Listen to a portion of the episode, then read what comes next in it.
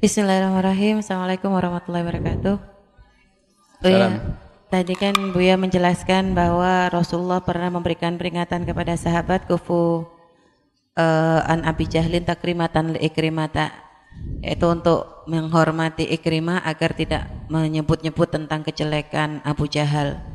Akan tetapi pernah dalam suatu kejadian ketika Sayyidina Ali karamallahu wajhah akan ditunangkan dengan putrinya Abu Jahal, saat itu Rasulullah marah di mimbar sampai beliau mengatakan bahwa tidak akan berkumpul putrinya Rasulullah dengan putrinya musuh Allah di dalam satu rumah, Bu ya. Dan ini eh, satu sisi beliau memperingatkan tidak menyebut kejelekan, tapi satu sisi beliau menekankan hal seperti itu bagaimana Bu ya? Yang pertama adalah tentang hadis sahih.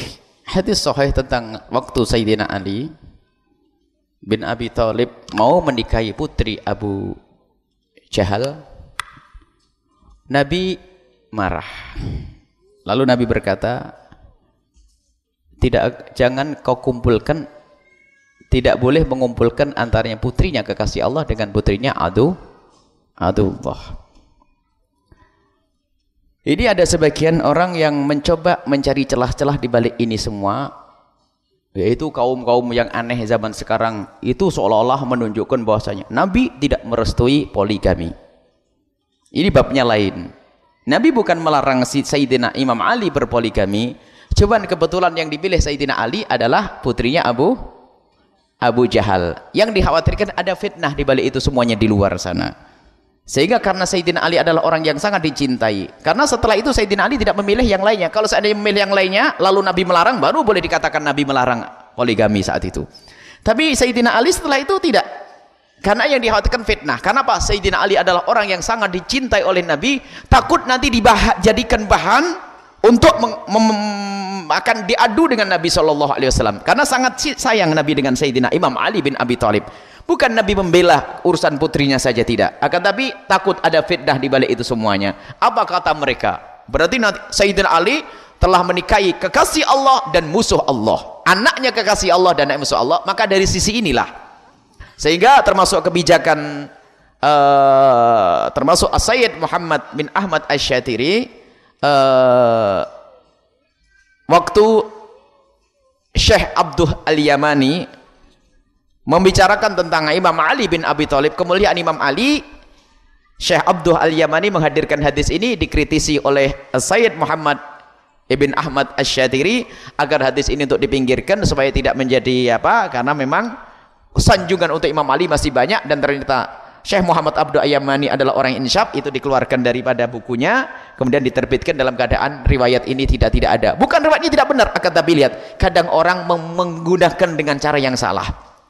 Mem mem apa, memaknai yang salah.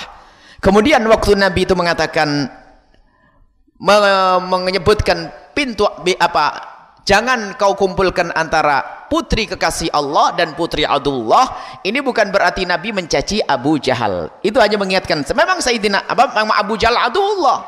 Dan sudah tahu semuanya kalau itu Adu Abdullah. Tapi diterangkan kepada Sayyidina Ali itu bukan sekedar jangan kau nikahi dia. Kalau jangan kau nikahi dia nanti ada subhah besar. Subhahnya apa? Wah Nabi melarang ini ya. Tapi tidak Allah disebutkan. Kenapa? Karena dia adalah Abdullah. Ada maksud di sini. Maka di dalam pernikahan, gitu, dalam pernikahan kita boleh menyebut menyebut sesuatu kekurangan tapi tidak boleh diobral. Misalnya kalau ada orang bertanya, "Gimana keadaannya?" Katakan satu. Terus gimana lagi bapaknya? Katakan satu, tapi tidak diobral. Bapaknya begini, ibunya begini, ini gini, itu menjadi menggunjing. Jadi seperti itu. Jadi kisahnya Sayyidina Ali bin Abi Thalib, kisahnya Rasulullah menyebut itu putri musuh Allah, itu bukan menghinakan Abu Jahal.